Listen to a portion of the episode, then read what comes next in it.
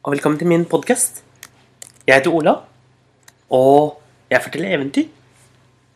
Og i dag skal vi høre fortsettelsen på et eventyr fra Cornwall i England, som er samlet av Ruth Manning Sanders. Og vi skal nemlig høre videre om Bocadou og Bukakwidin som er to gobliner. Gobliner er magiske vesen som både kan være snille, men ofte er de slemme. Og de kan være veldig rampete, og de kan ha kan magi. Og det du må vite, er at Bukado er den store, ville, fæle og slemme av dem. Mens Bukakwidin, han er bare liten og snill og søt.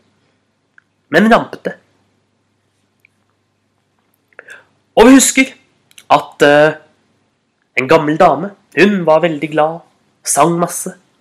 Noe som sønnen ikke likte. Så sønnen og konen la en plan for å skremme Skremme den gamle damen. Så Så han tok på seg et, eh, et laken med hull til øynene og skulle til å hoppe fram fra en busk for å skremme den gamle konen. Og han satt der inne i busken og kunne nesten ikke se noen ting. Det begynte å bli kaldt. Han skalv lite grann. Og han hørte vinden som knirket i grenene. Han så store skygger som beveget seg rundt seg. Han var sikker på at det var noen, noen der, som fulgte med på han. Og han ble stadig reddere og reddere. Det var virkelig en perfekt natt, som gobliner er ute. Akkurat like mystisk, like skummel natt som gobliner liker. For det hadde han hørt om moren sin mange ganger historiene hennes. Han, han hørte vinden knirket mer og mer, og det var som om trærne ble levende rundt ham. Og han tenkte på alle de skumle og slemme tingene som han hadde hørt om Bokadu. Han ønsket seg virkelig hjem. Og det virket virkelig som om det var noe levende bak seg. Han snudde seg gang på gang, men han så ingenting. For lakenet over hodet gjorde at han så nesten ingenting. Han var like før å gi opp da han med ett hørte den kjente sangen til moren som kom glad og fornøyd dansende, hoppende gjennom skogen. Hun gikk og sang på en ny sang som han ikke hadde hørt før. Bokkado, Bokkado, jeg møtte Bokkado, jeg og Bokkado, vi er gode venner. Sang hun mens hun hoppet fra den ene foten til den andre. Og han tenkte på alle de skumle tingene igjen som han hadde hørt om Bokkado. Han tenkte på de lange, skarpe klørne og tennene som var så sylskarpe. Og alle de onde tingene som han hadde hørt Bokkado kunne gjøre. Han ble reddere for hvert minutt. For en fin kveld, her kommer jeg, dansende, syngende, jeg og Bokado Men Bokado hold avstand, jeg er ikke redd for deg. Jeg hører at du går rett bak meg.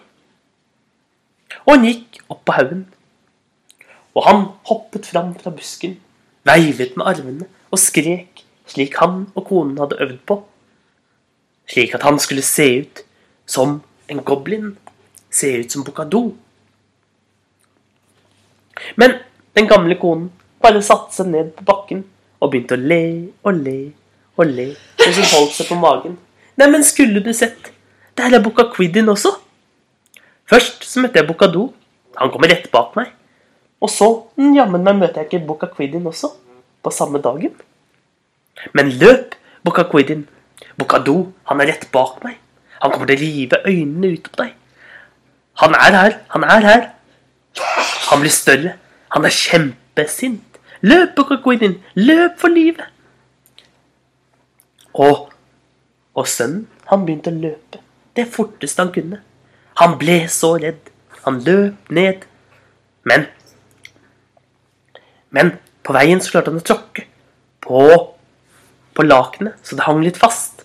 Og hver gang han kjente en gren, så var det som om det var klørne til Bocador som klorte mot lakenet. Han løp og løp og krasjet med trær. Og og snublet i steiner.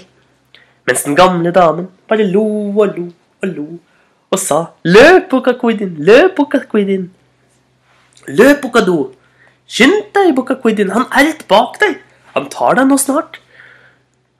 Og Og han løp det forteste han kunne. Og den gamle damen, hun skyndte seg hjem, glad og fornøyd. Og sønnen hadde ikke før kommet inn i huset og akkurat fått av seg lakenet og fortalt hva som hadde skjedd. Da, da den gamle damen åpnet døren, og hun lo vel av hjertens røst. Nå skal dere høre.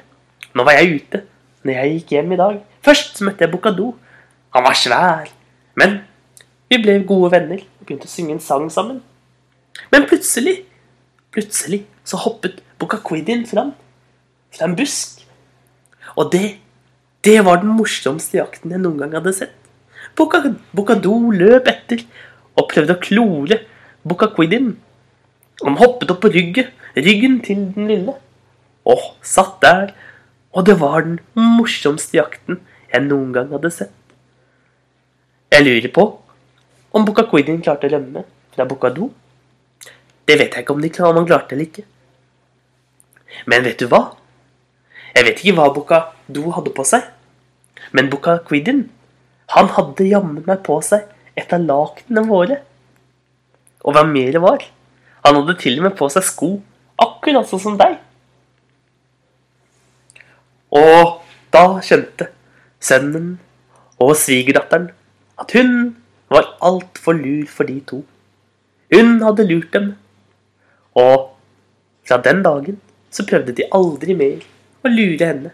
Så hun fikk lov til å dra og danse og synge og spille kort resten av sitt liv. Og det, det var historien om Bocado og Bocaquidden. Ha en god dag, så ses vi igjen en annen dag.